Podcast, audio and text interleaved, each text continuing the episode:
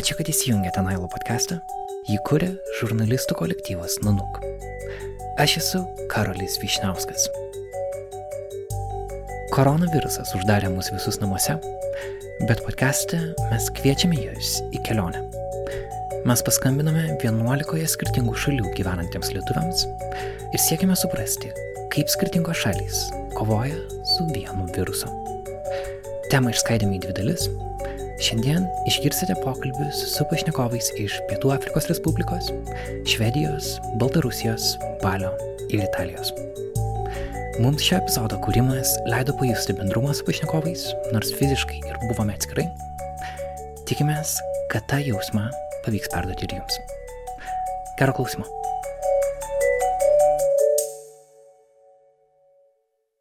Ir vis dėlto epizodą pradėti noriu nuo Lietuvos. Mūsų pirmasis pašnekovas pasirinko neatskleisti savo vardo, bet jis turėjo daug vertingos informacijos, kurią pasitikime. Jis yra sunkvežimio vairuotojas, vienas tų žmonių, kuris užtikrina, kad Lietuvos parduotuvės karantino metu nebūtų tuščios. Grįžau iš Milano, Vokietija, iš Vokietijos namų. Vairuotojas papasakojo, kaip jam sekėsi grįžti į Lietuvą iš Italijos, iš didžiausio koronaviruso žydinio Europoje, ir kaip jo rizika kelionės Europoje metu niekam per daug nerūpėjo. Su vairuotoju telefonu kalbasi Artūras Morozovas. Niekas nieko netikrina, niekur. Tik tai va, kai grįžau į Lietuvą, tai buvo pastatyta kontrolės postas, pasieniečiai, sustojau prie pasieniečių, tai sakau, man būtų gerai pasitikyti, bet pravažiuoju iš tų karštų taškų jau, dirbėse mm, 40 dienų. Tai sakė, ne, jum nepriklauso čia jokio nieko. Tai paskui aš vis tiek pasakau į dešinę prie tų moteriškių apsireidžiusių, mm. viskam benzinais. Tai tos mane pravėjo šalyje, sakė, važiuok ir, ir nesugalvaus nieko. tai čia Lietuvos tai, buvo pasienis. Jo, Lietuvos pasienis. Nu, nieks nieko netikrina. Tai aš klausiu jų, tai kodėl jūs čia stovite, dėl ko jūs stovite, ne? Mhm. Tai dėl jūs mes stovim. O tai, kad jūs net nekreipiat dėmesį į mus, tai kam jūs čia stovit, sakau, kam jūs čia dirbat. Savanoriškai noriu prisiduoti, aš nežinau, aš čia dirbu pusantro, sakau, tą mėnesių, tikrai karštuos taškuos. Ir nieks nieko. Ir o, nieko. kiek su kolegom kalbat, tai panašiai, panašios patirtis kolegų. Ir... Taip, taip, taip, taip, visur tas pats ir, ne, užsienį, tai užsienį iš vis nieko jie nematuoja, jie netikrina, tenais net nestabdo mūsų niekur nieko. Važiuojam laisvai tarp, tarp visų valstybių. Hmm. Paėmus tokią Šveicariją, prie sienos važiuojam. O jūs, pavyzdžiui, turit kažkokias, ar užtikrina, nežinau, ar įmonė, ar, ar, ar asmeniškai? Ne, ne, nieko mes. Aš kai išvažiavau, da, taip nebuvo, o paskiau niekur, niekur nei nusipirkt. Vokietijų bandžiau da per vaistinėse, tai vaistininkimą paaiškinau, sakė, tikrai niekur nerasi, į nevark. Nei to dezinfekcijos skysčių, nei kaukių, nieko. Taip ir važiuojam be nieko. Paskambinau firmos vadovui, sakau, būt gerai mašinos vis tiek važiuoja, sakau, nupirkite, atvežkite, išdalysit. Tai sakė, jūs čia patys pasirūpinkite, žinai. tai jeigu esi išvažiavęs, turbūt neįmanoma pasirūpinti. Nu tai va, tai, nu, tai va, taip, dabar va, aš važiuoju. Turbūt nuo magistralių, nuo autobanų. Nu ten... tai bandom, bandom, laivą, aš kelis įkius bandžiau, bet kai paskui matą vaistininkį paaiškinau, kad tu nevarsi ir nerasi, mhm. tai jau po to įkius, žinai. Tai praktiškai važiuojat e, be jokių kaukių, be, jeigu be, be nieko žmonėm ir skyšių. Be nieko, visur. Tai gal žmonės asmeniškai girdėjau, kas ir susamanė rankas trinaro dekolonų. Taip, aš čia nusipirkau tokių visokių, kad panašių į tą, žinai. Aha. Nežinau, te veikia, neveikia. Tų muilų visokių, ūkinių tenai, žinai, neradau niekur, ūkiškų muilų. Tik tai, va, tų purškalų visokių. Nu, kas lyg tai alkoholiu, žinai, su alkoholiu, kuris yra jau tokį perkiai purškėsi, nu vis tiek įpryk, nu. Dėl savęs kažkaip pas, pasiteisyti, kad gerai. Mhm. O dar įdomus, dar daugiau tos būties suprast. Taip. Tai, tai jūsų kelionės, sakykime, tas išvažiavimas, kiek laiko gali trukti ir ką tuo metu, nežinau, ar maistą įmat su savimi, ar kažką perka pakeliui? Maistą, ne, maistą aš, man užtenka, aš maistą užsidedu, tai taip dviem, trim mėnesiai man užtenka. Aš galiu nesukti į parduotuvės niekur, nekontaktuoju tų dalykų, jeigu nereikia. Galiu iš, išvaidyti. Tai praktiškai mašinų jeigu... automobilį ir, ir gaminatės. Prausėte? Viską. Nu, laukia, laukia, ne, ne, nekabinu, bet laukia šalia mašinos. Mm. O bet pasikrovimai, iškrovimai, jau tikrai kontaktai yra. Kaip čia rašau, kad be kontakčiai atvažiuoji, mašiną pastatai, pakrauna, iškrauna, taip nėra. Mhm. Jau šito tai nėra. Kai dabar aš čia paklausau, ką, ką aš neka per tą internetą čia, prašau, tai bet panašu taip nėra. Visur reikia dalyvauti. Mhm. Nu taip, ir aišku, ir, ir, ir degalų kolonėlės, ir, ir sukrovimai, pakrovimai. Degalų kolonėlės, tai tas saugo, simovai pirštinės tas guminės ir mhm. tie, žinai, visur be operatorių, tos automatiniai įsipiliesi, tai. Mhm. Tik tai va pasikrovimai, įsikrovimai, pavyzdžiui, pas mus italus, tai baisiausiai visi serga, ne? O, o jie be pirštinių, be kalkų, be nieko. Nulis sveikų. Patys Italijai, nu jo. Jo, patys patys, aš tai čia žmona irgi, tai nu, nu, nupaveiksluoju, parsiunčiu, tai tas, kaip galbūt čia sako visai kitaip, sakau, visai nėra kitaip. Viskas. Tik tiek, va, didelis skirtumas dabar, tai didelis skirtumas. Europo praktiškai lengvų nematysim mašinų. Autobamuose niekur. Labai mažai. Lietuvą pravažiavau, tai aš įsis, sakau, kur čia papuoliau. Kad lengva šiandien pravažiavau, važiavau. Aha. Važiavau, kai čia durys įsikraut, tai aš sakau, kur aš čia papuoliau. Per lengvas neina pravažiuoti. Mhm. Jokios nėra čia. Reiškia, mus... jaučiasi, kad žmonės ne, nesizoliuoja namuose. Pas mus tikrai nesizoliuoja, vos tikrai nesizoliuoja. Tikrai. Mm. O šveicarai, šveicarijų labai daug lengvų, paimk vokiečius labai mažai, Italijų tai dabar, jau dabar Italijų paskutinim dviem savaitėm tai iš vis jau. Galėjai visą dieną važiuodam automagistralim suskaičiuoti ant vienos rankos pirštų, kiek mašinėlių pralenksta. Mm. Labai jau tie. Geras. O tai dabar jūsų laikas e, Lietuvoje, koks, nežinau, kada vėl trauksit ir, ir nežinau, ar čia yra privalomas dabar karantinavimas jums irgi dviejų savaičių tas laikas? Ne, mums nėra. Aš išvažiuosiu. Tai kaip įdomu, jūs grįžote iš tokio visiškai žydinio e, Europos ir net netikrino ir nėra reikalavimo. Ne. Va, kas man ir keiščiausiai. Pats, pats draudžio iniciatyvą pasitikrinti. Į mane pasiunčia čiut ne ant trijų raidžių. Wow. Nesupyko jūs. Wow, neįtikėtinai tikrai. Aha, tai va, man šitas tai, buvo įdomu. Kaip, kaip jūs Lietuvoje turbūt e, tolimų reisų vairuotojų yra tūkstančiai. Tai mes kalbam Taip. apie didžiulis kiekį žmonių, jų šeimas. E, jo. Taip. Mhm. Va tai tas įdomiausiai, kad tave skaitosi, jūs čia atskira šaka, jūs čia nieks netikrysi, jeigu bus tau grinai prastai, jau jeigu tau grinai prastai bus, jinai man pasakė, jau, jau karščiai čia visą kitą, tada skambinkite 1808, kokius ar nepasakė. Mhm. O lygi tol gali niekur nesikreipti. Pavyzdžiui, Vokietijų sustabdė policininkai, iš kur važiuoji. Tai pasakiau, kad iš Italijos, tai renki durim ir. Nenorėjo daug diskutuoti. Daugiau nenorėjo diskutuoti nieko. Tai, va. Aišku. tai sakot, dabar galite ir vėl greit išvažiuoti. Tai aš tikriausiai pirmadienį mažą tenantį. Ne šitą, da po savaitės. Dar po savaitės, aišku. Jau tik tai išvažiuosiu. Aišku. Tai, va, ne, nėra ženklų, kad sustotų darbas šitas.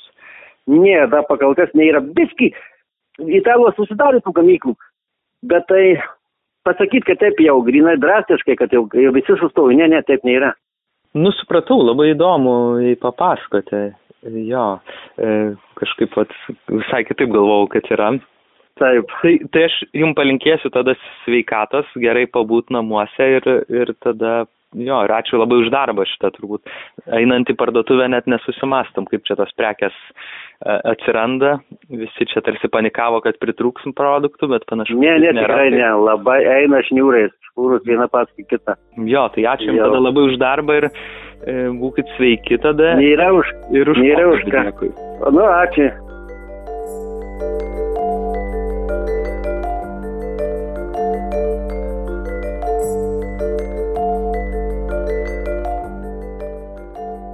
Mūsų kita stotelė yra Pietų Afrikos Respublika, bet prieš keliantis ten noriu padėkoti klausytojams, kurie palaiko mūsų podcastą. Nuostabu žinoti, kad prasidėjus šiai kriziai, jūs ne tik, kad neatsisakėte prisidėjimo, bet ir jį padidinote. Tai yra didžiulis įvertinimas mūsų žurnalistikai. Ačiū Jums nuo visos komandos. Taigi, nuo praėjusio epizodo prisijungė Karolis Bareikis, Laura Fro, Dorota Irenė Sokolovska, Dankolė Kotryna, Mantautas Šulskus ir Greta Marija Ruškulienė, o savo skiriamas sumas padidino Karolina Šiburskytė ir Ingrida Olendraitė. Ačiū Jums. patreon.com slash nanukmultimedia. Toks yra adresas norintiems prisijungti.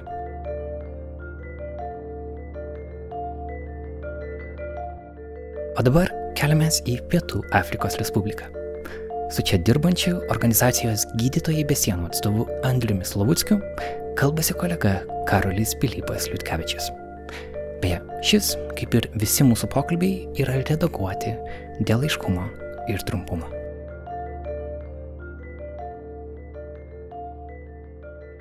Tai labas Andriau, ar gali prisistatyti ir papasakoti, kur dabar gyveni ir kuo dirbi?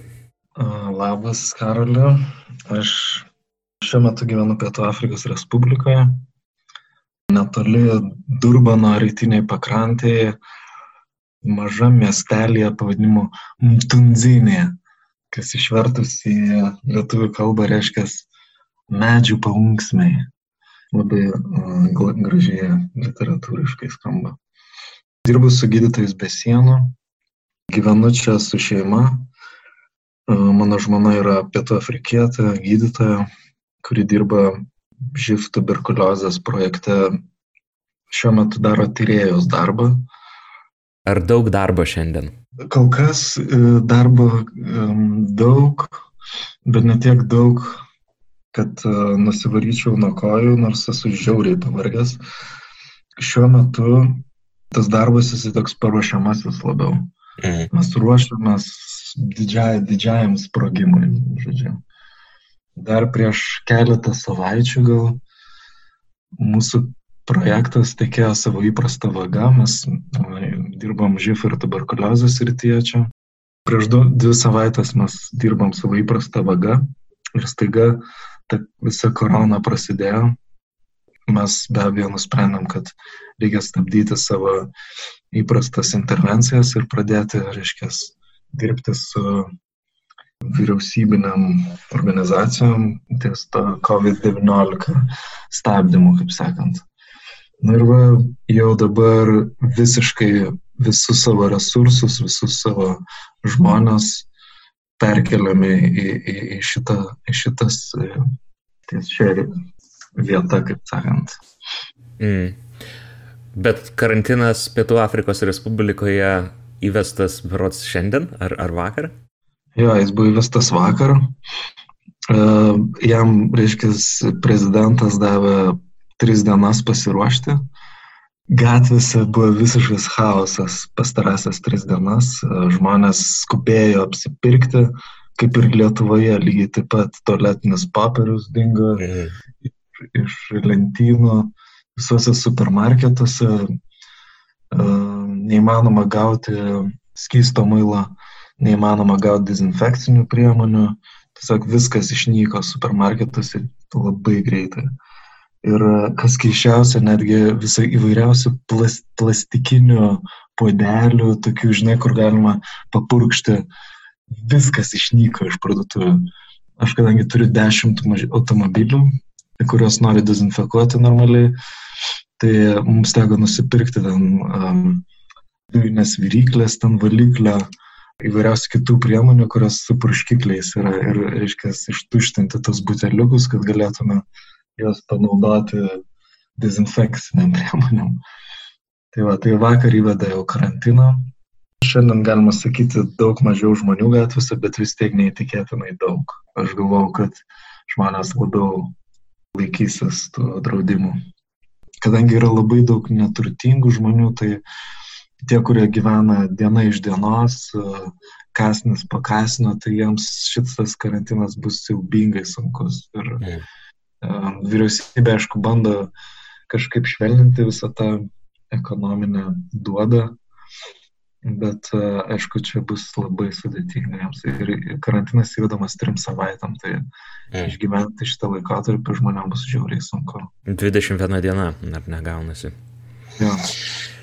Tu sakai, gyveni netoli Durbano miesto, Durbano miestas, e, kiek žinau, ten buvo pats pirmas e, koronaviruso atvejis užregistruotas Pietų Afrikos Respublikoje ir tu, kadangi dirbi su gydytojais be sienų, gal gali papasakoti, ar, ar vat, pasiruošę yra miestai ir pasiruošę miestų ligoninės tam pikui, kuris galimas su šiuo virusu?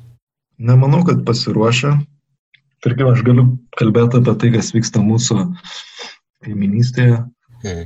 Aš vis tiek tolokai nuo Durmano, aš apie 30 km gal. Kai važiuoju į darbą, aš važiuoju visiškai gilyn į, į tokį kaim, kaimo vietovę. Ir, žodžiu, kaimo toje vietovėje yra keletas ligoninių, su kuriam dirbam. Mūsų populiacija kažkur 120 tūkstančių gyventojų. Yra miestelis ir yra visiškas kaimo toksai vaizdas, žinai, aplinkui. Tos ligoninės jos tarsi ruošiasi, bet jeigu viskas čia sproks, ne, ne jeigu, bet kai viskas sproks, tai jiems bus šakės. Mes nuvažiavom juo aplankyti prieš porą dienų. Jie turėjo tris kambariukus izolacijai, tris palatas, tarkim, mm. su keturiom lovom. Nei tenai gera ventiliacija, nei tenai tie kambariukai kažkaip atskirti ypatingai, jie šalia diabetikų, kas žiauriai blogai iš tikrųjų ta pati testavimo zona, testavimo kambariukas yra visai šalia intensyvios terapijos, čia prieimimo skyriaus ir visiškai nėra atskirti jokie tenai pacientų judėjimai.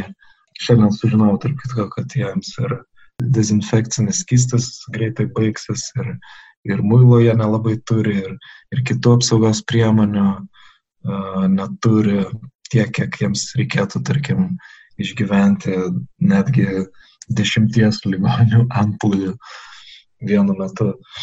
Tai mes jau pradedam, kaip sakant, keisti savo požiūrį, nes iš pradžių mes galvojam dar dirbsim ties savo dalykais, ten živ ir tuberkuliozė ir kažkiek tai žmonių ten nukreipsim į tą koroną o dabar visiškai supratom, kad čia nieko, nieko nebus. Vyriausybinė provincijos, čia labai visas tas pasiskirstimas toks įdomus, gal mums lietuviams nelabai aiškus, bet yra provincinė ministerija sveikatos. Ir jie, reiškia, mūsų prašė, kad mes koordinuotume šitą visą atsaką koronai provincijos lygiu, kai mes absoliučiai neturim tam jokių resursų, net žmoniškų ar, ar materialių. Tai įsivaizduoju, kokia yra, kokioje desperacija yra. Hmm. Nes čia buvo kalbėta, kiek skaičiau, žinai, užsienio žiniasklaidos, visur kalb, kalbėta buvo, kad na va, jeigu šis virusas pasieks Afriką ar bet kokią Afrikos valstybę, tai bus bėdų, nes ten yra sudėtinga. Ir, ir sudėtinga yra turbūt dėl, dėl trūkumo, vad kaip tu sakai, kažkas neturi ten dezinfekcinio skyščio, kuris greit baigėsi, kaip suprantu, tiesiog resursų trūkumas, pinigų trūkumas ir technikos trūkumas, ar ne?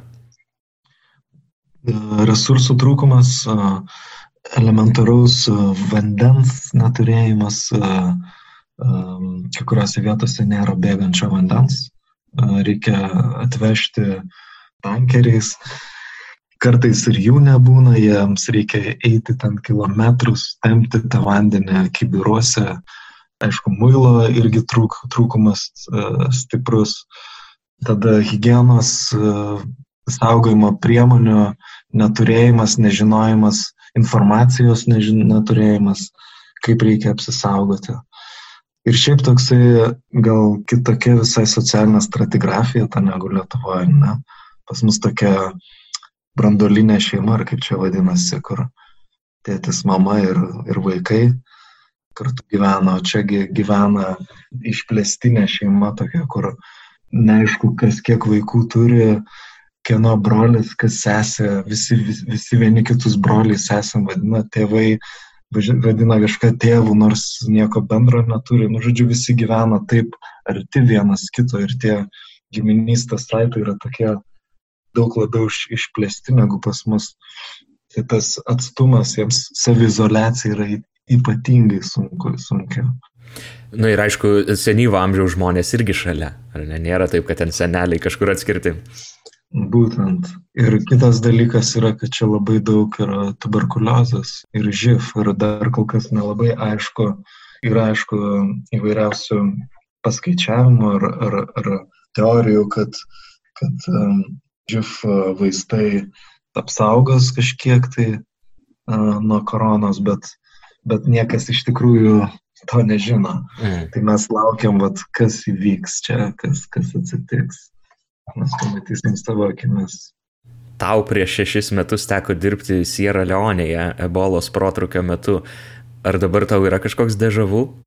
Aš prieš tai dar ir choleroj dirbau, mhm. tai turiu tokį kaip ir palyginimą prie jų skirtingų. Man iš tiesų ebolai dirbti buvo šiek tiek paprasčiau, nes buvo viskas daug aiškiau.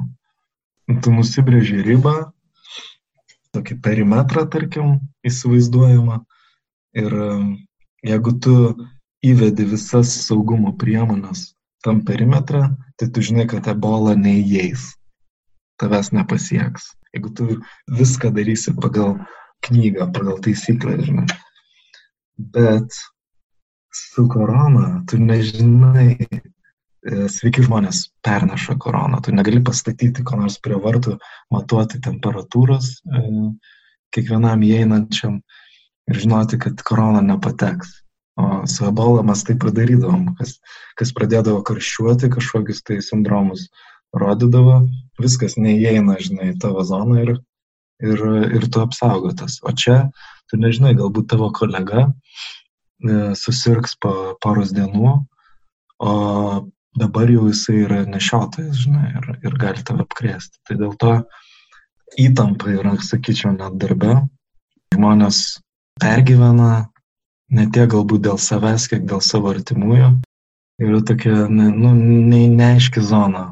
Aš esu logistas, mano darbas yra būtent ir įvesti tas visas saugumo priemonės.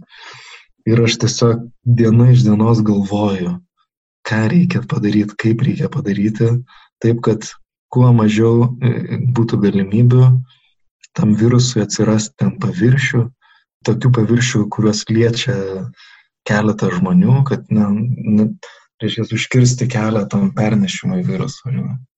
Net jeigu jis patektų į ofiso teritoriją mūsų. Kadangi nėra kažkokio ten specialaus dezinfekcinio skyšio, tai aš naudoju uh, chlorą, tą patį chlorą, kurį čia visi labai mėgsta mesti į baseinus, švarinti vandenį, gerimą į vandenį.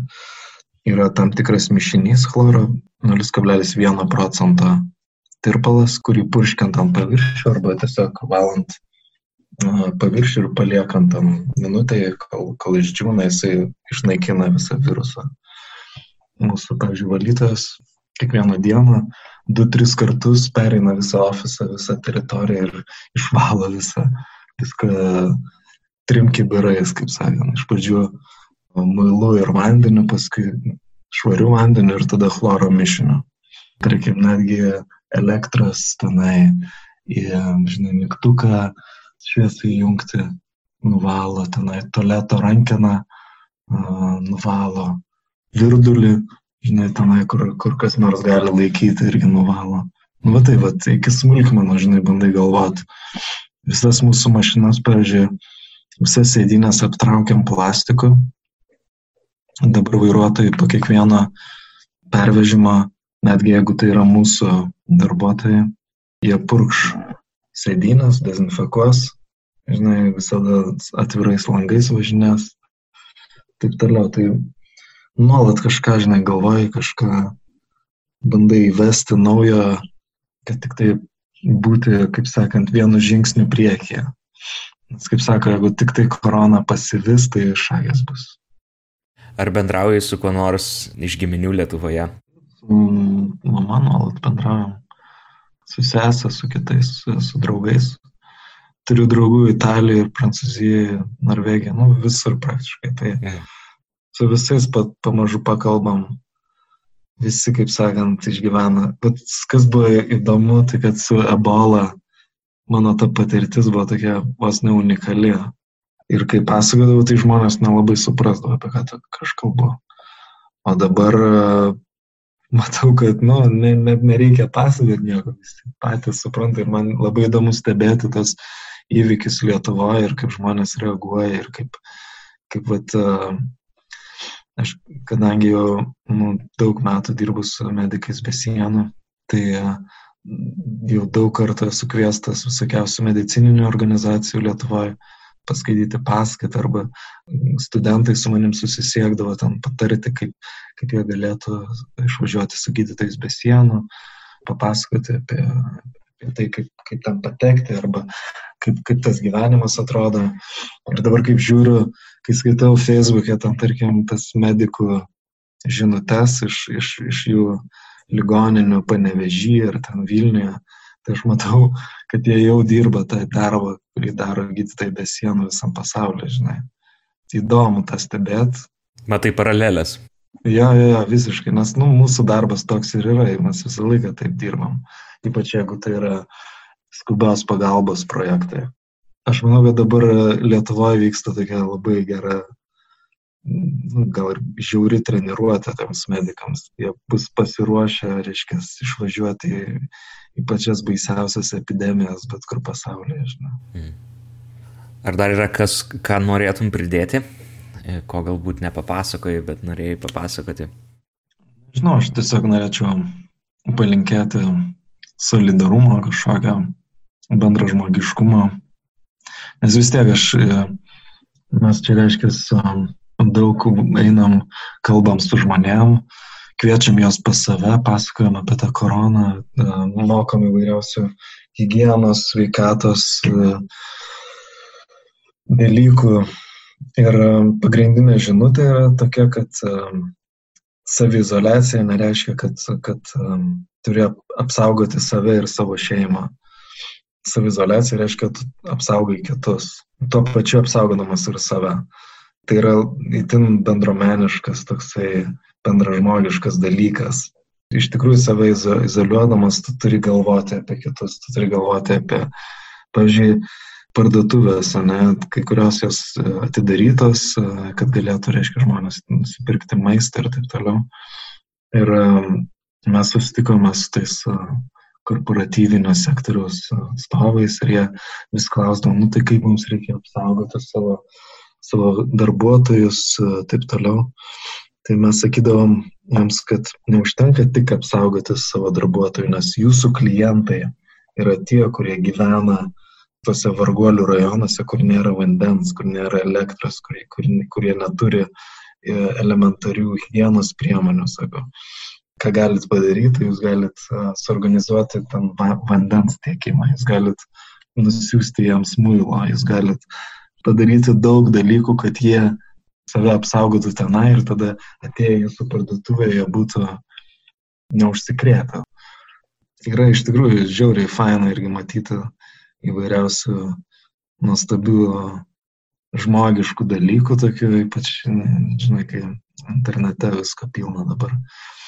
Tai dėl to man labai malonu iš tikrųjų. Ir aš linkiu, kad Lietuvoje būtų kuo daugiau to. Labai malonu buvo su tavimi pasikalbėti, Andriu. Ačiū. Ačiū, ačiū. Sėkmės, nesusirk. Tu irgi.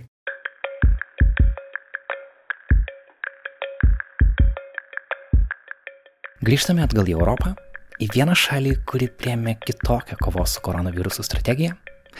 Kai praktiškai visos valstybės skelbia karantiną Švedija yra ta šalis, kur tu vis dar gali, pavyzdžiui, nueiti paslidinėti su grupė draugų.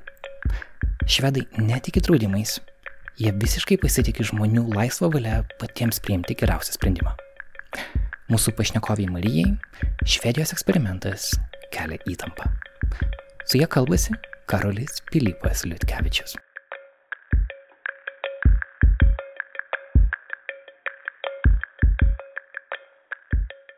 Tai labas Marija, ačiū, kad sutikai pasikalbėti. Ar gali prisistatyti, kur tu gyveni, kuo dirbi e, ir kur dabar esi? Aš esu Marija, e, šiuo metu gyvenu Švedijai, Stoholmo mieste, e, jau truputį daugiau nei du metus ir esu juvelyrė. Mes laikomės karantino taisyklių labiau tokių, kokias siūlo Lietuvos valdžia, nes e, Švedijoje šiuo metu nėra paskelbtas visuotinis karantinas, vyksta labiau savanoriškas karantinas, kad e, tie, kas gali, dirba iš namų, bet vis dėlto mm, daug kas negali dirbti iš namų ir tas gyvenimas mieste verda. E, be abejo, tų žmonių kiekis mieste yra sumažėjęs, o galbūt tokie didžiausi skirtumai lyginant um, Švedija visos Europos kontekste, tai, nu, jie tokie, uh, mano asmeninė nuomonė yra truputėlį prieš logiką einančias taisyklės, netaisyklės, net nežinau, kaip jas pavadinti, bet šiandien dienai patikrinus um, vietinę žiniasklaidą, uh, kurią kiekvieną dieną seku, tai tie ribojimai yra tokie pakankamai maži.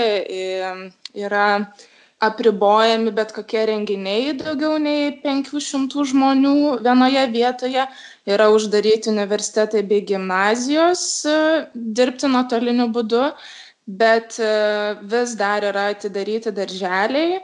Ir turbūt labiausiai toks man šokiruojantis paskutinis faktas buvo, kad valdžia svarstė, ką daryti su sulitinėjimo kurortais Švedijos šiaurėje, nes per Velykų atostogas dažnas švedas keliauja į Švedijos šiaurės slidinėjimo kurortus, kur leidžia Velykinės atostogas. Tai šiandien pasitikrinau, kad vis dėlto nėra tie kurortai uždaromi galbūt bus uždaromos e, kavinės juose, e, bus kažkaip apribotas e, keltuvų veikimas, bet traukiniai, pavyzdžiui, naktiniai, kurie veža į tuos kurortus iš didžiausių Švedijos miestų, vis dėlto nebus atšaukti. Dar toks galbūt mane asmeniškai palėtęs dalykas šokiravo tai kad Stokholmo mieste keletą dienų galima buvo stebėti ganėtinai pergrūstus e, viešojo transporto autobusus. Aš į šitą situaciją ypatingai jautriai reagavau, nes dėja mano vyras negali dirbti šiuo metu per atstumą, jam tenka važiuoti į darbą autobusu ir e, jo kokias kelias dienas tie autobusai toli gražu nebuvo reguliuojami nei srautai, nei atstumai tarp žmonių. Ir e, mano vyras buvo parašęs netgi tokį kaip nusiskundimą e, viešojo transporto, kaip čia administracijai. Ir jis tiesiog gavo atsakymą, kad jie šiuo metu susiduria su problema, kad trūksta vairuotojų ir kad dėja, bet, nu, davė suprasti, kad nelabai ką gali pakeisti. Uh, tai jis tiesiog priėmė sprendimą bent rytais važiuoti kiek įmanoma anksčiau į darbą, kad tiesiog apeitų tą visą srautą. Ir dar gal vienas toks irgi faktas, kuris šiek tiek irgi signalizavo, kad švedai užsijima šiek tiek kitokias pozicijas karantino atžvilgiu, tai kad kovo 7 dieną vyko Melody festivalis vienoje didžiausių Stokholmo arenų, kuri talpina 10 tūkstančių žmonių. Ir jau tuo metu buvo užfiksuotų koronos atvejų. Stokholme, tai mes supratom, kad, kad kol kas nėra rimtai žiūrima ir, ir kad nebus kažkokie tai vedami apribojimai žmonių ir daugiau mažiau viskas vyksta nu, tokio rekomendacinio pobūdžio ir visuomenė yra skatinama samoningumui, bet um, aš laikausi tokios nuomonės, kad nu, yra tiesiog truputėlį keista stebėti ir man kelia tokį nepasitikėjimą, kai visas pasaulis kažkaip imasi tų ribojimų ir, um, ir tiesiog, kai tu esi tokia šalyje, kur tarsi tau kaip ir neduoda pasirinkimo nesirgti, nes daug darbdavių tiesiog nėra įpareigoti suteikti tas sąlygas darbuotojams dirbti per atstumą, nes viskas yra rekomendacinio pobūdžio. Tai, tai tas iš tikrųjų liūdina ir gazdina, o psichologiškai tai mes tiesą sakant su vyru esam nusiteikę jau sirgti, nes tiesą sakant, kad ir kaip patys saugotumėmės ir turim ir kaukas, ir dezinfekuojam rankas, ir isteriškai plaunam tas rankas ir į parduotuvę vaikštom vieną kartą į dvi savaitės, bet, e, nu, tiesiog atrodo truputėlį bejėgiška, o kas iš to, nes mm, tu kiekvieną dieną važiuoji autobusu pergrastų žmonių, tai, tai tokie vat kažkokie paradoksai. Mm. Tai galima sakyti, kad veikia visi restoranai, ar net tu gali nueiti į kavinę, taip? Taip, vat iš tikrųjų vakar su klausiau interviu su Lietuvos e, jaunimo bendruomenės Stoholme pirmininku, e, kad taip jisai buvo išėjęs e, vakar e, į gatves Stokholmo centre ir iš tikrųjų galima jausti tą tuštėjimą, bet e, taip, kavinės, parduotuvės yra atidarytos, tiesa, kavinėse šiuo metu yra apribotas tas vadinamas bufe, e, kai žmonės gali tiesiog nusipirkti e, pietų kompleksą ir patys eiti ir, nu, tas vadinamas švediškas stalas, kai tu gali eiti ir pats dėtis e, produktus, tai šitas yra šiuo metu šitas yra šiuo metu uždrausta, ir, ir, bet žmonės vis dar gali eiti ir užsisakyti maistą ir būti aptarnauti prie stalų.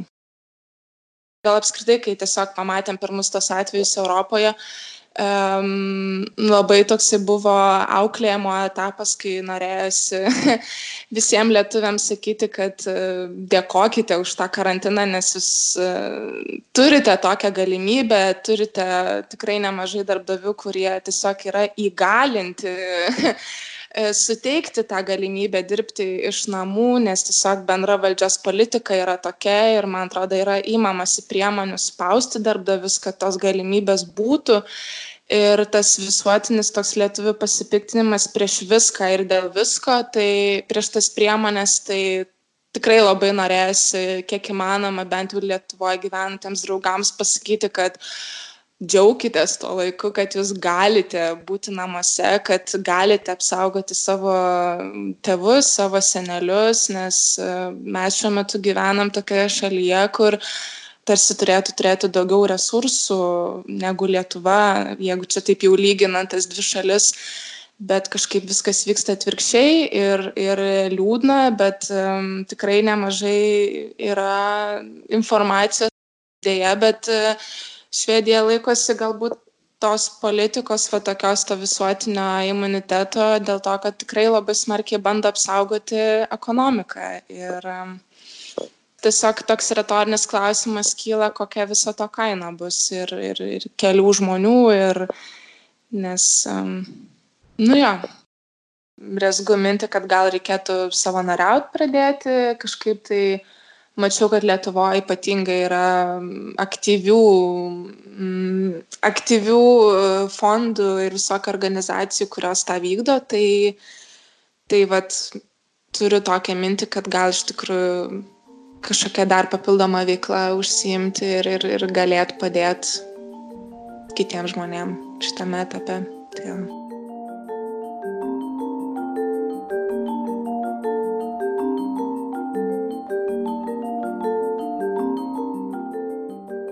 Kalbant apie kovą su virusu, beveik negirdime žinių iš mūsų kaiminės šalies, iš Baltarusijos. Bet mes podcast'e turime pašnekovą ten.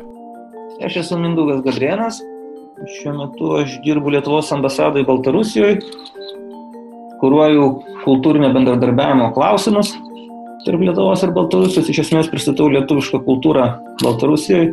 Nu ir šiuo metu Minske aš. Su Mindaugu Gabrienu kalbasi Berta Tilmantaitė.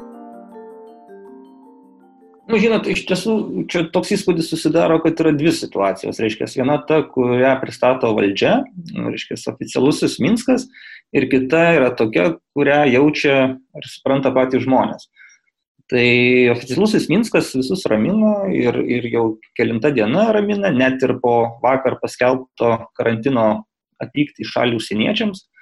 Yra pateikiami gana kuklus skaičiai, nu šiandien jie šiek tiek yra išaugę, jau man atrodo beveik 94 žmonės yra apsikrėtę koronavirusų, atlikta virš 24 tūkstančių testų, mm, bet labai, aiškiai, tokia raminanti nuotaika sklinda iš žinių, iš, iš portalų ir taip toliau, kad viskas tvarkoja. Svarbiausia yra nekelt panikos, kur kas yra blogiau už virusą yra keliama panika, pasižiūrėkite į kaiminės ir kitas valstybės, žodžiu, panika paralyžiuoja visą sistemą, mūsų tikslas išlikti ramiems ir panašiai.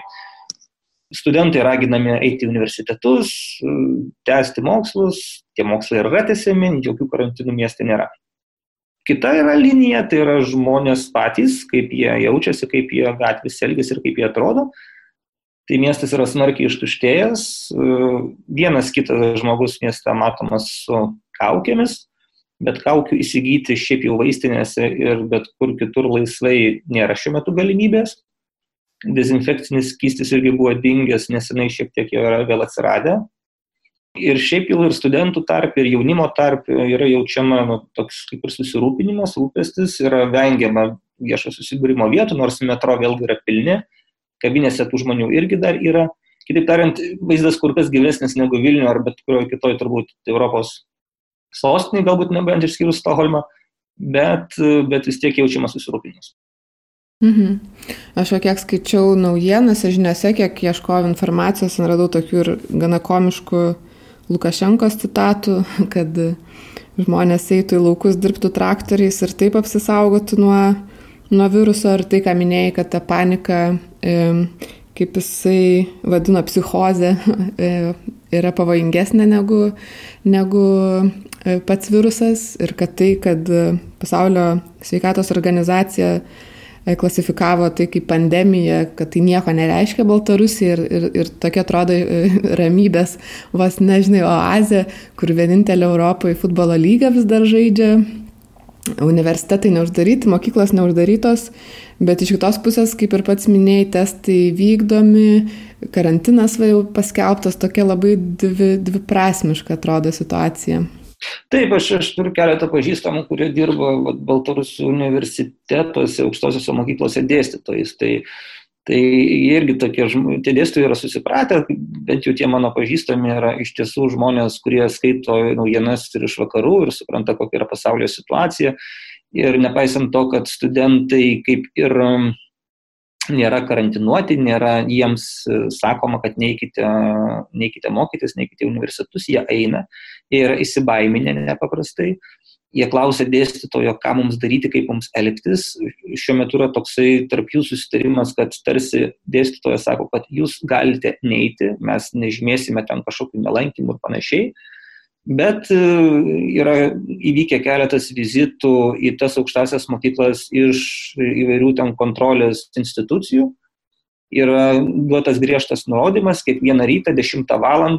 tom kontrolės institucijom teikti skaičius, kiek studentų šiandien į paskaitas neatėjo, e, su vardais, pavardėm ir panašiai. Tai mm. dėl, dėl ko yra tokie, reiškia, prašymai, tai sunku pasakyti bet akivaizdžiai, kad, kad, kad jie yra. Ir, ir dėl to tie dėstytojai iš tiesų yra tokie kaip tarp kūjo ir priekalo, reiškia, atsidūrė, kadangi viena vertus jie nu, negali raginti tų studentų imti savyveiklos ir raginti studentų, kad jūs neikite, ignoruokite ir panašiai, nes juos išmes iš darbo. Bet kita vertus jie yra žmonės ir jie supranta, kad nu, vis dėlto tas virusas, nu, tai nėra juokas. Nes iš tiesų, kai pasižiūriu tos 18-20 metų jaunuolius, didžioji dalis, absoliuti dauguma jų yra visiškai be jokių kaukių, be nieko, o, o masė vis dėlto yra didelė. Universitete, aplinkį besibūriuojantis ir panašiai. Tai nu, minčių be abejo kyla įvairiausių. Kita vertus, šiandien neseniai vyko Baltarusijos sveikatos apsaugos ministro konferencija ir keletą valandų atsakinėjo į klausimus ir panašiai. Tai be abejo, kada tu klausai, klausai tų argumentų apie tai, kad reiškia vis dėlto didžiausias pavojus tai yra senyvamžių žmonėms, kad jaunimas greičiau persirda, kad greičiau lengviau pakelia, kad nereikia riboti jaunimo kontaktų, kad nereikia, reiškia, skelti panikos ir panašiai. Tai gal ir verta viena vertus įsiklausyti į tos žodžius, kurie, kurie turi tam tikros logikos, kad iš tiesų svarbiausia turbūt apsaugoti čia tos pagyvenusius žmonės. Bet tie, tie visi pasiūlymai, kad imtis traktoriaus arba arba kad svarbiausia mums yra šalies ekonomika, o tai, o tai yra akivaizdžiai ir aiškiai pasakyta, tai irgi vargu ar galima sutikti vis dėlto, norėtųsi, kad gal žmogus vis dėlto būtų svarbiau, ne, ne, ne, ne, ne tie skaičiai kažkokie, kurie bet kuriuo atveju smunka žemyn visur. Ir mhm. tas Baltarusijos paskelbimas ar nepaskelbimas karantino, tai irgi yra toks simboliškas, kadangi iš principo jau tas karantinas yra, nes aplinkui visos šalis yra paskelbę karantiną, net ir Rusija. Visi yra uždarę sienas, tai tu pats, kadangi atsiduri visiškai izoliuotas, vienintelis toks taškas, kuris oficialiai nėra deklaravęs gal, galbūt tokio karantino, bet vis tiek tu esi toj pačioj situacijoje. Ir ta tavo ekonomika lygiai taip pat rytasi žemyn. Mm. Dar kalbant apie, apie švietimą, e, taip pat skaičiau, kad e, buvo surinkta 17 tūkstančių parašų prašant e, paskaitas perkelti inter, internetą, online ir kad švietimo ir mokslo ministerija, edukacijos ministerija atmetė tą peticiją. buvo tokių, buvo tokių iš tikrųjų iniciatyvų ir iš opozicijos buvo iniciatyvų raginančių valdžią skelbti galų galę tą karantiną ir, ir uždaryti sienas. Viso to atsisakyta, ko gero, vėl dėl, to, dėl tos pačios priežasties, kad nu, nesinorėta, pasakiau, kelti tos vadinamos panikos. Reiškia, kad nereikia, nereikia riboti. Apskritai jaunimo tai visiškai nereikia riboti dėl tų priežasčių, kad na, virusas neva tai jaunimui yra nepavojingas, reikia daugiau judėti, vaikščioti, stiprinti imuninę sistemą, plaut rankas, žodžiu, nekosėt viens kitam į akis ir, ir, ir viskas bus gerai. Tai dėl to čia tie visi bandymai perkelt studijas nuotoliniu būdu buvo iš karto nedelsint atmesti. O šiaip taip dar buvo ir kitų skambių pasisakymų, pavyzdžiui, kad, na, senas žmogus, iš vis nėra ko žmogui, kuriam jau yra virš 80 metų arba apie 80 metų vaikščioti tokiais orais. Kad tai nėra ko vaikščioti, kadangi yra senas žmogus, imunitetas yra silpnas, reikia sėdėti namie ir taškas. Tai va, taip, taip va, buvo pasakyta garsiai gana ir, ir, ir nu, irgi kyla minčių įvairių, kaip sakant, tokias rekomendacijas gaus. Hmm. Supratau, ar yra dar kažkas, ką, ką pridėti norėtum, galėtum, nes mano klausimai baigės. Oi, ką pridėti, ką pridėti kartais susidaro įspūdis, kad reiškia vietos, nu, Vilnius, pradėkime nuo to, yra vis dėlto vienas iš svarbiausių, vienas populiariausių, reiškia, vykimo taškų Baltarusiams, ypač jaunimui. Visa, visa eilė žmonių labai daug mokosi JAHU universitete, šiaip lankosi Vilniuje kas, kas savaitgalį. Vilnius yra daugeliu jų nu, iš tiesų antrinamai ir, ir labai artimas miestas, tiek istoriškai, tiek, tiek ir iš dabarties perspektyvų žiūrint. Uh, Ir sakyčiau, kad tos naujienos, kurios yra Lietuvoje, jos čia yra, be abejo, jos yra, ne, lietuviškai mažai kas skaito, bet, bet tai, kad, tarkim, ten Delfiru arba kiti kanalai, portalai, kurie, kurie rusiškai transliuoja, čia, yra, čia visą tai yra skaitoma. Labai daug lietuviškų straipsnių ir apskritai bendra situacija yra nuolat, nuolat komentuojama vietos žiniasklaidoje. Aš sakyčiau, kad dalis mūsų susirūpinimo tokiu būdu perdodama yra, yra Baltarusių publikai ir tokiu būdu kompensuojamas vietos valdžios nesusirūpinimas. Ehm, kaukės dingia yra visiškai, nes jeigu būtų visiškai, visiška ramybė visuomenėje, tai tikrai nebūtų ten tie respiratoriai išpirkti, išluoti momentaliai. Mhm. Juk nelietuviai čia suvažiavę juos išpirko. Taip, mes per ambasadą ne, esame nupirkę ne vieną siuntinį Lietuvos ligoninėms, klinikoms, kuomet jų čia dar buvo keletą keliolika tūkstančių iš tiesų esame nupirkę dar savo laiku pačioj pradžioje krizės, čia prieš, prieš kelias savaitės. Dabargi mhm. yra nu, tokia situacija, kad jų beveik ir nebėra. Tai jeigu žmonės būtų visiškai ramus, persisutinę visą tą ramybę ir kas svarbiausia, tikėtų, kas jiems yra sakoma, tai ko gero, nu, ko gero sėdėtų ramiai visi čia. Bet taip nėra. Taip nėra, nes miestas yra tikrai tuščias ir net ir mašinų yra žymiai mažiau negu paprastai. Tai aš manau, kad vis dėlto yra, yra, yra mat, matoma, stebima, kas yra aplinkui, o kadangi tokia nu, artima valstybė kaip Lietuvoje ėmėsi radikaliai, nu, kardinaliai priešingų priemonių negu kad, sakykime, čia vietoje yra įmamasi, tai, tai aš manau, kad daugelis irgi yra tokio pasisėmę, nežinau, net susirūpinimo, atsargumo ir, ir, ir, ir ten Facebook'e ar šiaip kituose socialiniuose tinkluose tai labai jaučiasi tas toksai nevaržomas nevaržomas, reiškia, noras tiesiog, nežinau, dinkti ir panašiai. Beje, čia dėl, dėl tų baltarusių piliečių irgi kelionių, tai baltarusių valdžia, jinai be abejo čia organizuoja tos čarterius grįžimo iš užsienio, kaip ir, kaip ir Lietuvoje yra organizuojama, bet kaip žinote, Lietuvoje aš, aš tai bent jau pats supratau, kad dalis išvykusiųjų vis dėlto išvyko po raginimų niekur nevykti į užsienio valstybės. Tai čia apie tokius e, prezidentas pasakė labai aiškiai, kad jeigu paaiškės, kitaip tariant, tiems, kurie išvyko po raginimo neišvykti iš šalies dėl pandemijos, neorganizuoti absoliučiai jokių čarterių, išvažiavot, būkite ten, kur esate. Mhm. Maždaug taip. Mhm. O tu pats ir kolegos ambasadui planuojat likti, neplanuojat grįžti? Nu, aš tai labai jau norėčiau sugrįžti, turiu pasakius, nes, kaip mes kartais juokaujam, Minskas miestas kaip miestas, bet jį reikia kažkaip dozuoti visą laiką. O, o tas nuostabus kontrastas su Vilnium tai yra apskritai sunkiai pakeliamas ir jis yra akivaizdus, tai grįžti visada labai norisi. Mm. Ir, ir dabar dėja ta situacija, aišku, kad to Vilniaus yra mažai likę, kadangi jis yra visas uždarytas ir, ir, ir būdamas sąmoningas jau, reiškia, pilietis, aš turbūt irgi turėčiau grįžęs uh, užsidaryti ten namuose, tai, tai tiek ten to miesto. Tai kol kas, kol kas neplanuojame važiuoti nei pirminį atgal, lauksime maksimaliai, plus čia dar atsiranda tų visokių niuansų susijusių su piliečių grįžimais ir panašiai. Be to dar gali būti visokių naujų iniciatyvų susijusių su respiratorių pirkimais arba reagentų ar jų ten komponentų pirkimais. Tai mes čia esame realiai tam, kad, kad ir padarytumėm tos darbus, kurie gali atsirasti. Supratau, tai ačiū labai, labai įdomu išgirsti iš, iš pirmų lūpų, nes naujienose, nu yra vat, dalykų, bet e, tas pirmo asmens pasakojimas visą laiką įdomesnis. Nu, ačiū Jums labai, smagu bendrauti ir laikykime kaip nors.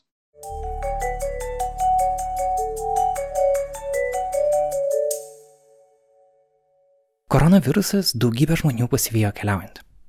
Viena jų yra Guoda Bartauskaitė. Iš Balio į Vilnių ji su draugu parskrido specialiu lėktuvu, kuris tris kart leidosi užsipilti degalų Grįžusi į Lietuvą, ji buvo priverstinėje izolacijoje, ne savo namuose, kurios metu, pavyzdžiui, turėjo valgyti mėsą, nors yra vegetarė. Ir vis dėlto, Guoda yra patenkinta, kaip Lietuvoje pareigūnai pasirūpino ją ir kitais skridusiais. Apie tai parašė Facebook'o įrašą ir sulaukė beveik 5000 pasidalymų. Bet apie visą tai lai papasakoja ji pati. Su Guoda kalbasi Berta Tilmantaitė. Šį kartą dovanokit už prastesnę ryšio kokybę. Tai buvo pakankamai nedidelis lėktuvas, toksai, kokius mes esame įpratę su tokiais skraidyti ten į Londoną ir, ir artimesnės vietas. Ir dėl to lėktuvo dydžio, tai ta kelionė gavosi tokia labai įdomi, kad lėktuvas turėjo netgi tris kartus leistis pasipildyti kūro.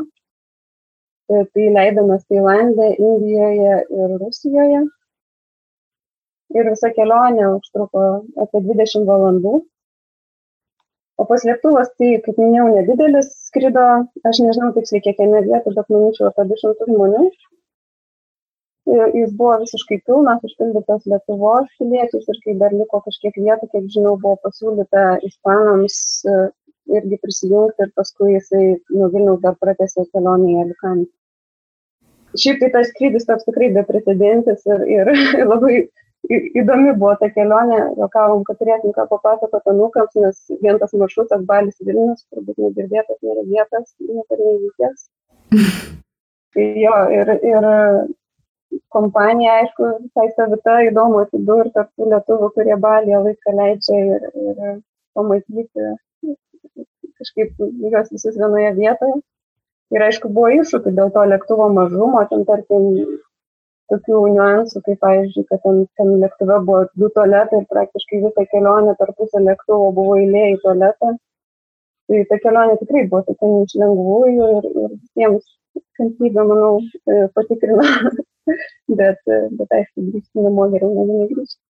O koks buvo kelionės procesas to saugumo atžvilgiu? Jis tikrino e, oro uoste.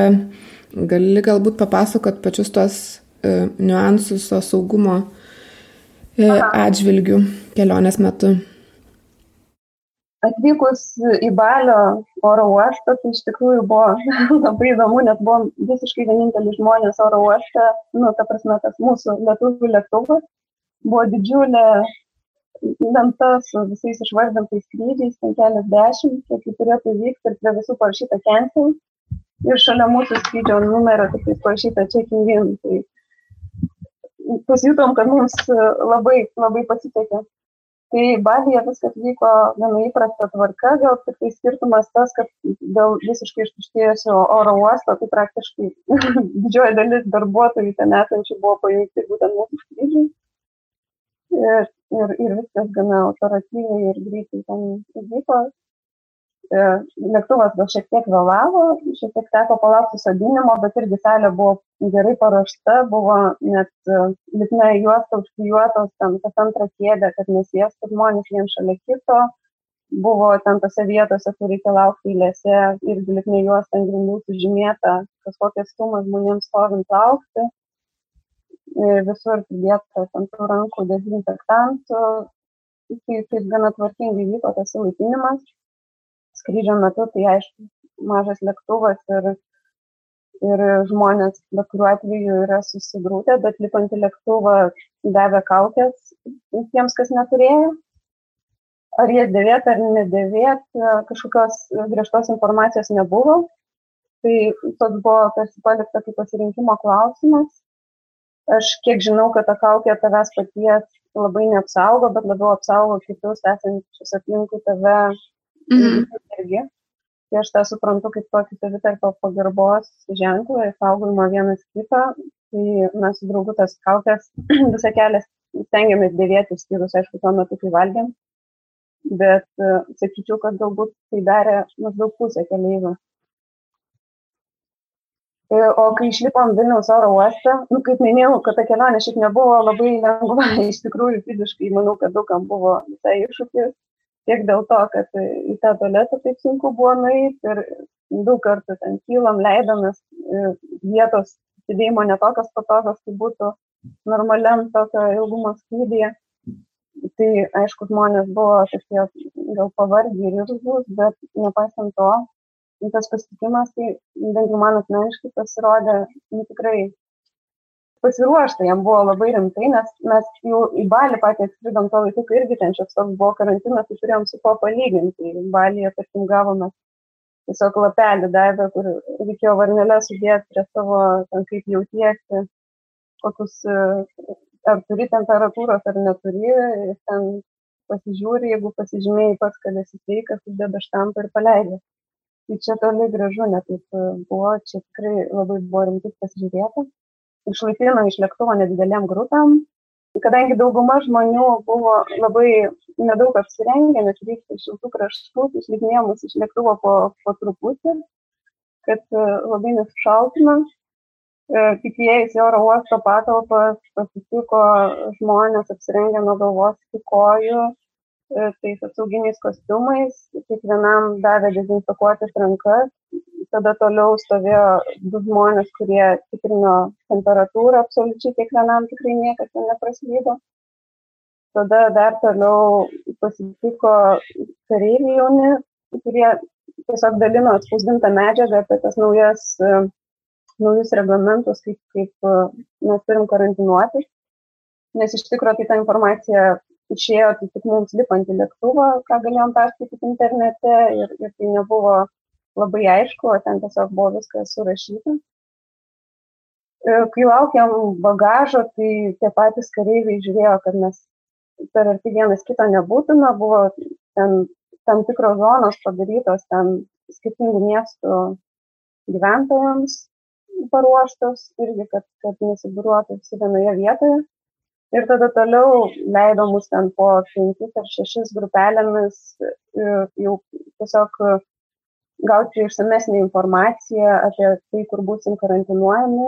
Ir tenais, man atrodo, dirbo visuomenės sveikatos centro specialistai, kur tiesiog merginos maloniai paaiškino, kiek ten turėjom klausimų apie tas karantinavimo sąlygas atsakė, davė pasirašyti lapus Ir tada jau išėjom iš oro uosto, sėdami autobusus ir, ir mūsų nuvežė į viešbutį, kuris, tiesą sakant, praktiškai per gatvę būtų buvę galima perėti, bet tiesiog buvo labai kruopščiai žiūrima, kad turbūt niekas ne, nepabėgtų, nenueitų kažkur kitur, tai dėl to policijos pareigūnai stovėjo prie autobuso ir tiesiog prižiūrėjo, kad visi, visi būtų tvarkingai sulaikinti o viešbutyje tai praktiškai tik įėję mums įteikė ten visus davinius davė kambarius kai paprašėm tiesiog mes kadangi buvom dviese tai paklausė ar mums reikia dvigulės lovos pasakėm kad reikia iškart davė kambario raktą ir viskas nuo to laiko buvom dviese izoliuoti tai va tokia kelionė. Gavot maisto? E, kadangi mes parskridom ten, dabar tiksliai nepasakysiu, bet prieš antrą nakties ir ten ta visa procedūra, kadangi labai nedidelėm grupėm žmonės galėjo eiti, tai tikrai užtruko. Tai sakyčiau, kad viešbutį mes buvom apie ketvirtą, kada mes gavom jau ten tą sauso davinį, bet aišku, iki tol lėktuve buvom maitinami visai normaliai. Ir paskui, kai nuėjom mėgoti, 9 ryto jau laukia mūsų pusryčiai.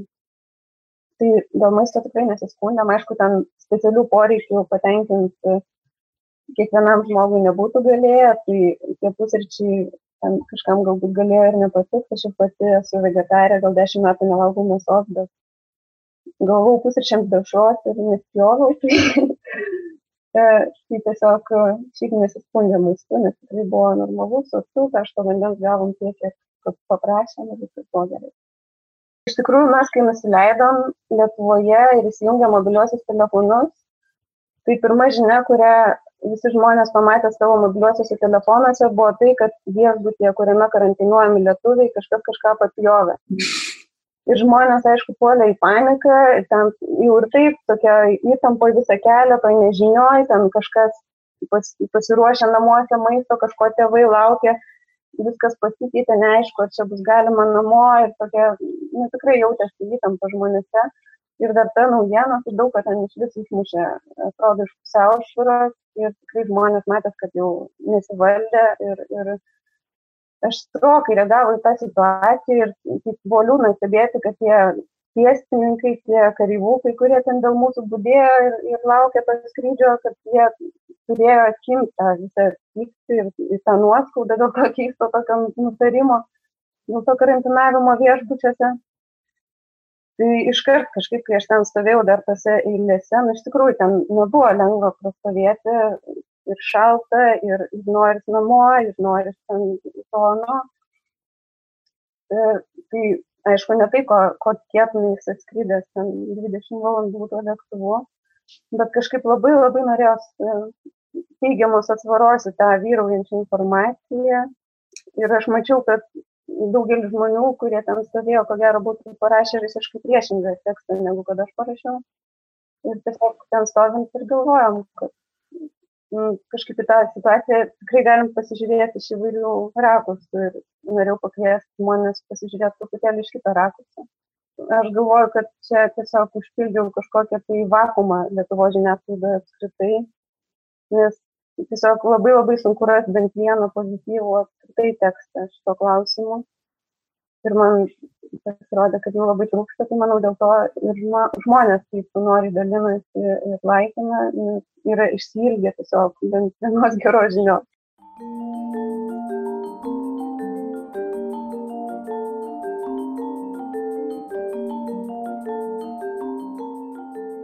Pirmąją epizodo dalį mes norime užbaigti ten, kur koronavirusas Europoje prasidėjo.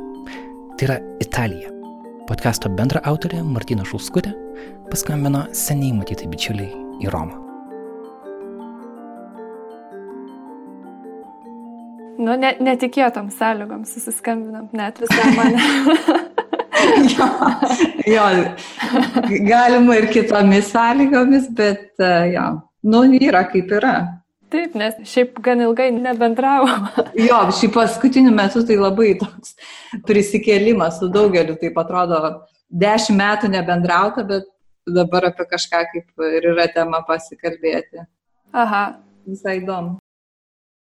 Taip, aš esu Sima, gyvenu jau 11 metai Italijoje, Romoje, dirbu web dizainerė, dabar iš namų, viskas kaip ir būtų tiek. Kaip ir pačioje pradžioje sakė, būkit namuose, tai niekas nebuvo namuose, tada išleido kažkokį dekretą taisyklę, tada pusė buvo, pusė nebuvo, kol galiausiai prireikė tiesiog, kad kažkas prižiūrėtų ir atsirado policija, kariai gatvėse. Tai čia būtų gal toks įdomesnis momentas, bet realiai mes galim viską plus minus pagrindinius dalykus daryti. Tai prieš išeinant tik tai reikia užsipildyti tokią anketą, mhm. pasižymėti, kokiu tikslu kur eini, galima eiti į parduotuvę, vaistinę, dabar šiek tiek sumažėjo atstumas nuo namų, kiek tu gali eiti pasivaikščioti. Mhm. Dabar, man atrodo, gal 200 metrų yra. Iš pradžių buvo aišku keista, bet dabar kažkaip tiesiog gyvenimas gyveni ir žinai tas taisyklės ir nelabai kažkaip galvoji. Čia dabar kaip ir pasimatė, kaip ir kitose šalise. Ir Italijoje buvo fazės, kai atrodė labai toli, neįdomu, tikiu, netikiu, gripas, grožis išgelbės pasaulį ir taip toliau. tada staigiai pradėjo kilti tiek skaičiai, tiek pati panika, atsirado kažkokia baime, tada jau klaustukas, ką darom. O šiandien jau yra ta fazė, kai tiesiog susitaikėm su tom taisyklėm ir norisi ir pajokauti, ir pakalbėti apie jūs, apie mus, kas iš tikrųjų rūpi.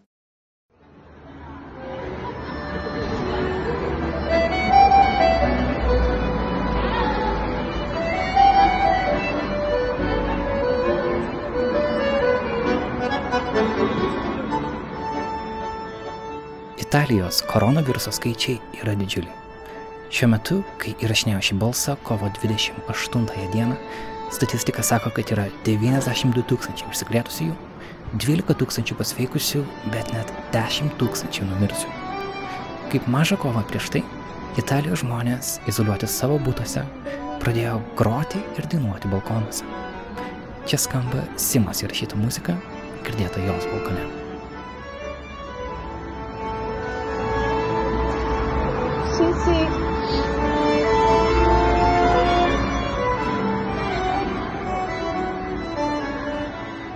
Aš gyvenu Romos, pačioj Romoj mieste, neužmesti, būte, turime balkoną. Su kaimynais šiaip visada pakankamai toks artimas ryšys, mūsų aukšte yra dar keturios poros panašaus amžiaus, tai mes jau čia padarėm tokį kaip sakyti, aperityvą laiptinėje, visi išėję iš savo produris, tiesiog pasikalbėjome, aptarėme reikalus, kas kaip su pižamomis, kas su treningais. Tai... Mm. O m, tas padainavimas tai buvo realiai pačios pirmos dienos, čia buvo to karantino, tiesiog žmonės išėjo į, į balkonus ir kas ten grojo kažkokiu instrumentu, kas leido muziką iš kokio garso kažkokios kolonėlės, kas tiesiog dainavo. Tai buvo toks masinis išėjimas, šiaip tai labai buvo, nežinau, toks labai malonus jausmas, tokia, sakau, vienybė, nežinau, buvo prigesus, man atrodo, Italijoje ta visa bendruomenė, tas toks jausmas. Tai dabar su šita situacija krizinė, tai matau, kad atsigauna atsigauna mm. visas tas jausmas. Tai taip, mes irgi išėjom, padainavom, tai neužtruko valandą, tai buvo mhm. tiesiog 10-15 minučių mm -hmm. ir grįžom atgal, nes 6 valandą dažniausiai žiūrim vienintelis informacijos šaltinis, kuriuo pasitikim ir kurį sekam. Mhm. Per dieną mažiau, skiria mažiau negu valandą viruso tom visom naujienom ir yra 6 valandą dabar kaip čia lietuviškai būtų krizių departamento turbūt pranešimas, mhm. maždaug 20 minučių aptarė visus skaičius, informaciją, tai sakau, padainuojam balkonį ir tada grįžtam prie, prie kompiuterių, prie televizoriaus pasižiūrėti, kokia ta situacija yra. Mhm. Tai čia tas dainavimas yra jau rutininis dalykas, tai nebuvo, kad tik tai... Ne, iš pradžių, kaip ir visi dalykai, tai iš pradžių, aišku, yra ta euforija, kitą dieną aš ten žiūrėjau video kiek visi prifilmavo ir ten ašarą kažkokią nubraukiau, bet e, po to tiesiog e, buvo pikas, ten tie mirčių skaičiai labai augo, tai prasidėjo šiek tiek toks tylos laikotarpis, gedulo laikotarpis, tai niekas čia nepuoliai tos balkonus dainuot, toks, norm, kaip pasakyti, toks gražus dalykas, kuris nėra tai kažkokia taisyklė, kad čia dabar kiekvieną vakarą mes dainuojam, bet, sakau, pradžioj buvo gal trys dienos iš eilės, kur vieną dainą, vieną vakarą, kitą vakarą, kitą, tai buvo tiesiog po to buvo momentas tylos, po to tiesiog gal kažkam atsibodo, aš jau irgi čia pastarasis dvi dienas netidarau balkono, nes tiesiog. o kadangi ir sergančių, ir mirusių žmonių Italijoje yra gan daug, tai ar tave kažkaip tai arčiau palėtė tos situacijos, ar tavo sergančių draugų buvo, ar kažkaip mirusių aplinkoje yra?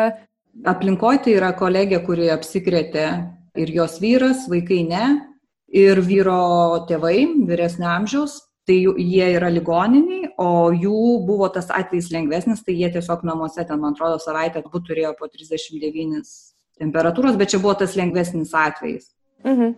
Tai čia iš tokios artimesnės aplinkos. O klausė skaičiai, šiaip faktas, tu matai tos skaičius, bet um, vėl yra, sakau, mes labai kažkaip susiplanavom, susidozavom tą informacijos tos rautus, sakau, vieną kartą, šeštą valandą, krizių ten to departamento pasižiūrima informacija, tada būna kažkokie keli žurnalistų ten kažkokie klausimai, pagrindinės naujienos ir viskas tuo pasibaigė. Tai iš pradžių buvo, buvo tas toks jausmas, kai tu žinai, pirma šalis Europoje, Dabar mm. niekas čia neaišku, čia ką reikia daryti, bėgti, evakuotis, likti. Nelik... To, buvo labai daug tokių visokių netikėtų minčių, net kur tu galbūt šiaip ramiai sėdėdamas, nu niekada ne, neprisigalvotum. Mm. O ne, ne, ar nebuvo tokios minties, kad gal čia dabar lėkti į Lietuvą atgal? Mm, aš skambinau tėvams, kai buvo ten pati pati ta pradžia, paskelbė pandemiją, čia dar niekas neaišku, čia kaip dabar. Tai tiesiog aš paskambinau savo tėvams, mes pasikalbėjom, bet tai buvo kadangi aš irgi čia Italijoje turiu šeimą, tai e, mes pasitarėm su savo vyru ir e, tiesiog praktiškai pasidėliom tam tikrus dalykus ir e, ne, nebuvo man minties, kad aš dabar čia turiu kažkur trauktis, o galų gale, nežinau, yra, yra darbai, namai, tai ne, ne, ne, ne, nesakyčiau, kad čia man buvo ta, ta tokia mintis. Mhm. Buvo pradžioj, sakau, tas toks juodas debesis buvo užėjęs, tai kaip čia, kas čia dabar bus, ką čia reikės daryti, čia dabar užsidarysim, čia gal bet po to kažkaip viskas išsidėliojo, išsivingiavo ir dabar tiesiog. Kažkaip vyksta toliau. Vyksta gyvenimas, jo, tiesiog vyksta gyvenimas ir kažkaip aš pakankamai dar ir, aišku, matau viską, ta prasme, nepraeina niekas pro akis, ten visi tie skaičiai, mirtis ir taip toliau ir panašiai, bet uh, tuo pačiu kažkaip uh, suvoki irgi situaciją, suvoki taip, nepasisekė Italijai, viskas čia prasidėjo. Žydinys baisu ir taip toliau, bet tuo pačiu nori kažkaip, nežinau, ir to tiesiog gyventi kažkaip. Labai norėčiau, kad neišgaruotų tas toks vienybės jausmas, kuris dabar bent jau aš taip jį jaučiu ir kiek galiu matyti, matau, kad grįžus po viso šito karantino kažkaip e, visi kips su tokiu didesniu entuzijazmu ir užsidegimu prikelti ten, nežinau, tiek tos pačius darbus, padėti vieni kitiems kad tas bendruomenės jausmas jis neišgaruos. Aš kažkaip va, tuo turbūt labiausiai norėčiau tikėti, kad bus kažkoks toks teigiamas impulsas pajudinti toliau visą gyvenimą. Mhm. Nu, taip skamba, kad tai gal net ir vienas svarbesnių dalykų galėtų būti, ką visuomenė galėtų tarsi iš, išlošti iš e, tokios situacijos. Taip. Manau, kad labai svarbu, kaip pasakyti, dabar bendrauti, neužsidaryti, nors kaip ir fiziškai esam visi tarp keturių sienų, nežinau, ir jeigu mes jau tai baiginėjom tą pokalbį, tai gal kažkokią aš tokį pabaigai palinkėjimą, gal kažkokį, nežinau, kažkaip aš tai tikiu, kad pavasaris atėjo ateis ir karantino pabaiga, kažkaip išmoksim vis tiek gyventi, gyventi kitaip ir visiems linkiu rasti tylos ir laiko, kurio visi taip neturėdavom. O italam yra toks dabar naudojamas e, visur posakis, čia lefaremo. tai būtų tiek. Gerai, ačiū tau labai. Gerai, dėkui.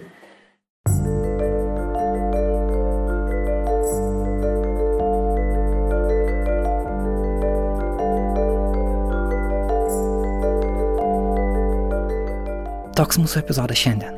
Ačiū, kad buvote kartu. Antroje pasakojimo dalyje kalbėsime su pašnekovais Kurdistane, Niujorke, Portugalijoje, Junktinėje karalystėje ir Kinijoje bandysime suprasti, kaip šis mūsų visus izoliavęs virusas paveikia mūsų bendrą būseną. Ačiū epizodo garso įrašų redaktoriai Katažinai Bitoft iš Martino Mažvito bibliotekos. Ji padarė didžiulį darbą. Taip pat visus pašnekovus, kaip visada, net ir karantino metu, mes norime jums ir parodyti, ne tik leisti išgirsti. Artūras Morozovas yra mūsų fotoredaktorius. Pamatykite jo darbus NileLT ir Nanuk Instagrame. Podcasto muzikos kompozitorius yra Martinas Gailius, o šį epizodą montavau, redagavau ir večiau aš, Karolis Višniauskas. Mūsų 100 dolerių patronai yra Blossom Wood Foundation, patreon.com slash nanuk multimedia. Toks yra adresas norintiems prie mūsų veiklos prisidėti. Nailo podcastą kuria žurnalistų kolektyvas Nanuk. Būkite sveiki ir palaikykite atstumą. Bent jau kol kas. Iki greito.